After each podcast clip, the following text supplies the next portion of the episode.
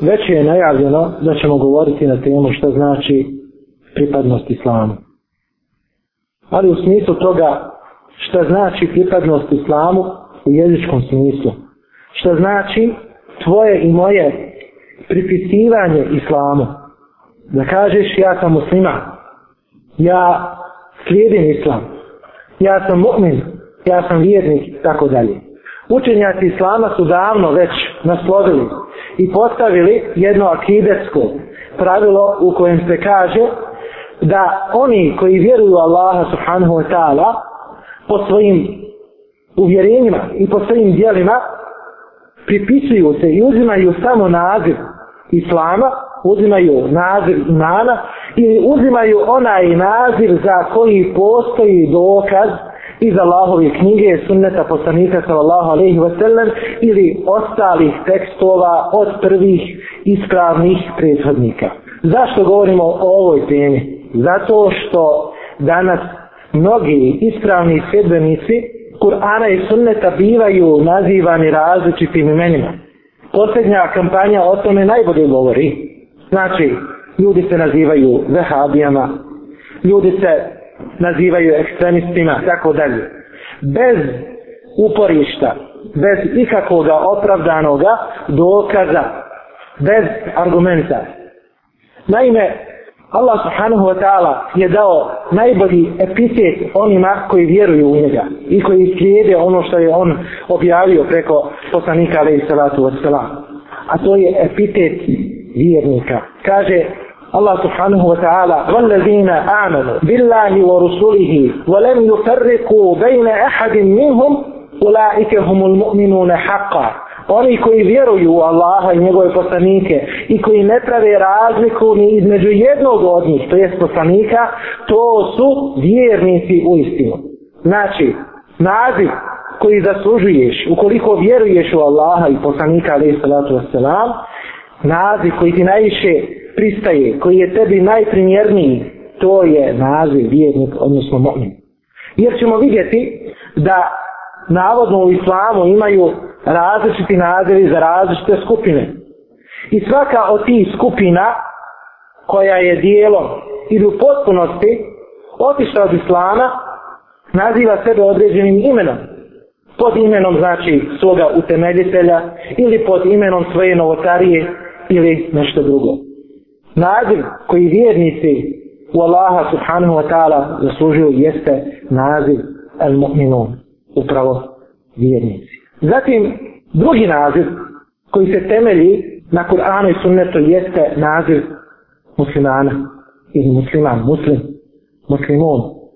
Millete ebikum Ibrahim, vjera vašeg pravoca Ibrahima, u asemakumul muslimin, on vas je nazvao muslimanima, min qablu prije wa fi hada i u ovoj vjeri kako bi poslanik bio dokazom protiv vas i kako biste vi bili dokazom protiv drugih ljudi.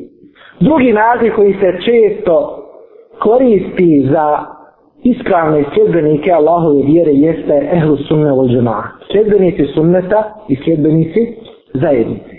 Znači želimo da budemo načisto sa ovim stvarima. Načisto sa nazivima da jedan put stavimo tačku na ove nazive. Da se niko ne može poigravati s ovim nazivima, odnosno time se poigravaju sa Allahom subhanahu wa ta'ala vjerom. Sjedinici sunneta i zajednice. Zašto sjedinici sunneta i zajednice? Ovaj naziv je nama poznat, ehlu sunne ol džema. Kažu učenjati islama da je ehlu sunne ol džema srednji put u okviru ovoga ummeta. Zato što su to sjedbenici predaje poslanika sallallahu alaihi wa sallam, zato što ne skrijeću ni lijevo ni desno. Zato što je ehli sunne od džema u ovome umetu, ono što je umet između dvije krajnosti, dvije vjere koje su bile prije, a to su kršćanstvo i židovstvo. Ehli sunne od džema, sjedbenici sunneta, dokaz za ovu riječ, a mi smo postavili na početku postavku i rekli, muslimani se pripisuju samo islamu, imanu, ili onome zašto ima argumente, odnosno dokaz. Jesu riječi poslanika alaih salatu wassalam, koje prenose sabirači sunnjena, a imam je tirmizi kaže da je hadis sahih. Men je iš minkum ba'di se se jera ihtilafen kasira. Onaj koji bude poslije mene poživio, vidjet će mnoga razila življenja. فعليكم بسنتي وسنة الخلفاء الراشدين المهديين من بعدي بس في تدرجة موغا سنتا السنة خليفة upućeni, razboriti halifa poslije mene. Wa iyakum muhdathati al-umur. I čuvajte se onih stvari koje su uvedene. Fa inna kull bid'atin dalale. Jer je svaka novotarija zavoda. To jeste svaka inovacija svaka novost koja se unese u našu vjeru u smislu ibadeta predstavlja zabludu, a svaka zabluda vodi u vatru. To je prvi dokaz za El Sunna. El Džema'a, El Džema'a označava zajednicu. Dokaz za to je također u hadisu poslanika alaihi sallatu wasalam, dužim hadisu, u kome se kaže da će se ovaj umet radijući na 73 skupine i sve te skupine će ići u vatru osim jedne. Pa je poslanik sallallahu alaihi wa sallam u jednoj verziji toga hadisa rekao da je to el džemaah, da je to zajednica.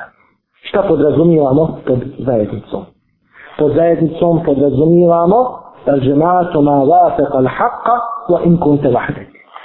Džemaat, zajednica je ono što je u saglasnosti sa istinom pa makar ti bio sam. Znači, ako hoćeš da budeš džemat zajednica, nije uslov da imaš istomišljenike. Evo nam primjer Ibrahima a.s. Inna Ibrahima kada ummeten qanita lillahi hanifa. Ibrahim a.s. je bio čitav ummet, pokoran Allah. U svoje doba je Ibrahim bio jedini vjernik na zemlji. Znači, zajednica je ono što odgovara istini pa makar ti bio sam. Znači, ukoliko si sredbenik istine, a ne imaš istomišljenike, mišljenike, i nema onih koji se ponašaju prema odredama Kur'ana i Sunneta, u tom slučaju si ti za sebe sam zajednica. Zatim imamo sljedeći naziv koji se daje onima koji vjeruju u Allaha i sudnji dan, a to je naziv Al-Sirqatul Nađije ili Ta'ifatul Mansura. Spašena grupacija ili potpomognuta skupina. Zato također ima dokaz i sunneta poslanika alaihi salatu wasalam u mnoštvu hadisa, a oni se prenosi u sahihima, a neki od njih u sunanima, da je Allahu poslanih sallallahu alaihi wa sallam rekao La te zavu ta isetu min ummeti, ale lhaqi zahirin. La je durruhu min hazalehum el halefehum, hatta je'ti je emru Allahi, vohum kezalik. U mnoštvu, znači, verzija u hadisa se spominje između ostalih dova verzija. Neprestano će iz moga ummeta jedna skupina biti na istinu. U nekim prijevodima se kaže pomagati istinu. Neće im nauditi onaj koji od njih odstupi, koji ih napusti, wala halefehu, ili bude se protiv njih borio, odnosno njima se suprotstavljao. Hatta je ti je emrullahi u humke zalik, sve dok ne dođe Allahova odredba, a on bude na tome. Šta je to Allahova odredba ovdje? Ko zna? Mi su jedan put to spominjali. Šta su komentatori ovoga hadisa rekli? Šta je to Allahova odredba? sve dok ne dođe Allahova odredba. Kažu učenjaci da je to onaj povjetarac koji će doći pred sudni dan i koji će usmrtiti vjernike. I onda će poslije toga ostati na zemlji širarom nas najgori, najlošiji, najzlobniji ljudi. To je ta ođema, odnosno zajednica. Treći naziv koji se daje onima koji vjeruju Allaha i njegovog poslanika, osim naziva Islama i Mana, jeste naziv Eta i Fetovina sura. To pomognu ta skupina koja je također spomenuta u ovome hadisu. Ali većina učenjaka kaže da je to pomognu ta skupina upravo Seles, naši ispravni prijetodnici, naši ispravni predaci. Eseles, Eseles ostale, ispravni prijetodnici. Kako? Prvo, Allahu poslanik alejhi salatu vesselam kaže: "Khairul quruni qarni, thumma allazina yalunuhum, thumma allazina yalunuhum." Najbolja generacija je moja generacija. To jeste generacija ashaba, zatim oni koji dolaze posle njih, zatim oni koji dolaze posle njih. To jeste generacija ashaba, tabiina i tabi tabiina. To su generacije koje su mufaddala, koje su pohvaljene tekstovima šerijata. Zatim, imamo selek u drugom smislu riječi. Ispravne prethodnike u drugom smislu riječi. A to su oni koji su vezani za uvjerenje selefa, odnosno ispravnih prethodnika. Znači, gledamo na ispravne prethodnike u vremenskom značenju, prve tri generacije, a gledamo i u smislu uvjerenja koji sa sobom nosi, a to su oni ljudi koji su došli poslije, da li se oni nazivaju ispravnim prethodnicima.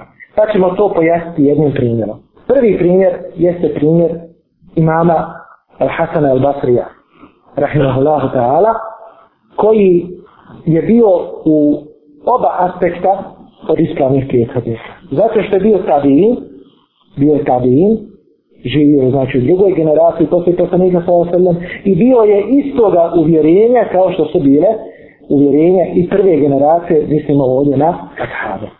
On je znači od ispravnih prijesadnika od Selefa. Imamo drugi primjer. Učenjaka koji su kasnije došli.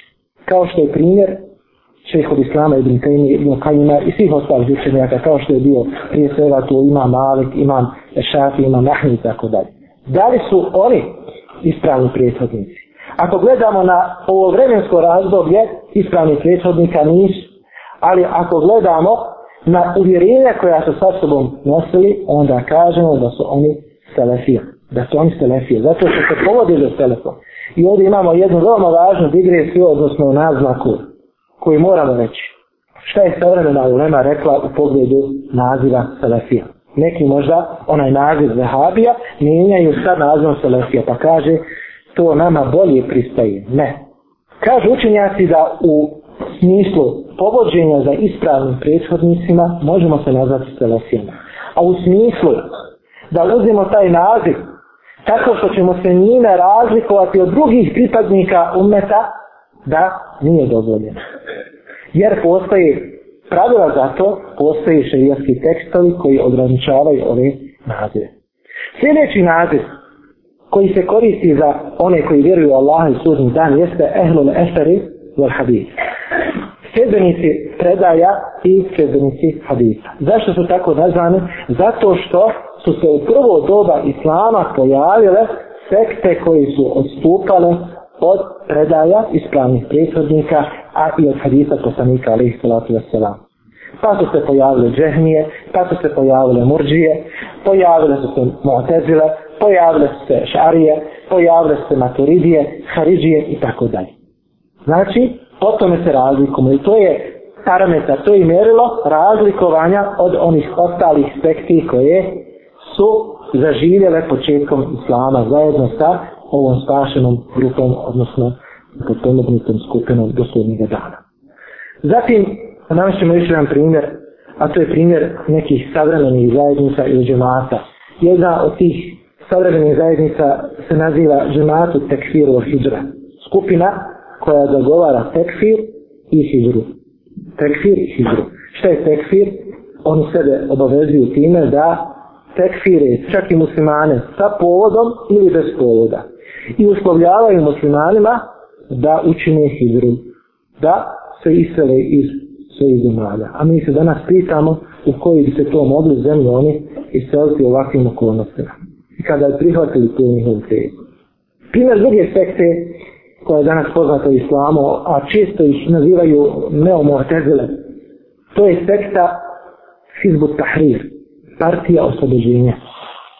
Ona nije poznata toliko kod nas, mada ima onih koji zastupaju možda slične ideje, ali pod tim nazivom se ne pojavljuje kod nas. Kako je to sekta? To je sekta koja zagovara oslobođenje, ne znamo oslobođenje država ili se radi o oslobođenju srca od ispravnih uvjerenja. Znači sve ove sekte, kao što smo rekli, se povode za svojim utemeljiteljima, povode se za svojom novotarijom i na osnovu toga dobivaju nazive. Zato želim sad da kažem da oni koji su ljubomorni na ovu davu, koji su vidjeli da danas dava onih koji se pozivaju na prve generacije je u velikom usponu. Da su danas ogorčeni time. Da su ogorčeni time što današnji pripadnici ispravnog menheđa ne priznaju nikakve druge nazive osim naziva imana i islama. Pa su uzeli onaj princip koji su uzimali nevjernici, kao što kaže Allah subhanahu wa ta'ala, vajdu lev tekfurune kema keferu, fe tekunune seva.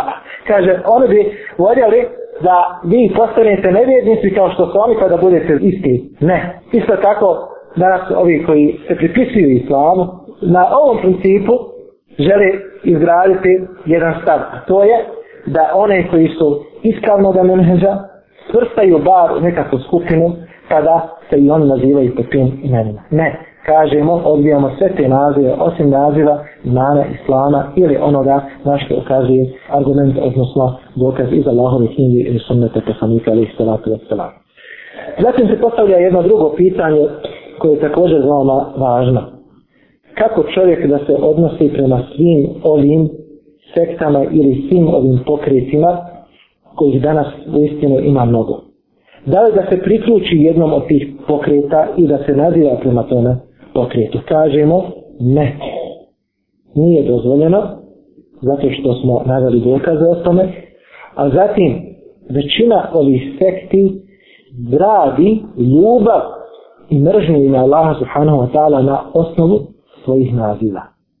Na osnovu naziva sura utemeljitelja, na osnovu naziva svoje novatari i tako dalje.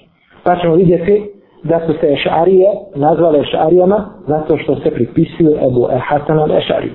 Vidjet ćemo da su se Otezile nazvanom Otezilima zato što se jedan čovjek koji se nazivao Vasar ibn Arta odvojio sa naučnog kružoka Hasan el Basrija i onda je zasnovao svoju sektu koja se naziva Mu'tezile, odnosno izdvojenici. Oni su sve izdvojeni. Zatim Maturidije. Nazivaju se po Ebu Mansuru el Maturidije. Haridije. Nazivaju se zbog njihovog buntovništva i borbe protiv islamske države, odnosno protiv imama Alija radijallahu anhu. Znači svaka od ovih sekti ima svoje ime i onda se na njega poziva. Sufije, zašto je nazivaju sufijama kao sekta? Zašto? Zato što se povode za jednom riječi, a to je suf, prema jednom mišljenju, to je vunat. Kaže, imao su vunene odrtače, vunenu odjeću, kao jedan dobrika ili manifesta skromnosti, odnosno zuhda. Pa su po tome nazvali. Međutim, vjerodostojnije mišljenje koje kaže da su nazvani sufijama zbog riječi Sofija, a Sofija u grčkom jeziku znači ljubav prema mudrosti. I zna se da je ovaj naziv nastao u ono doba kada su se u četvrtom stoljeću, krajem trećeg i početkom četvrtog stoljeća počele prevoditi knjige sa grčkog jezika na arapski jezik.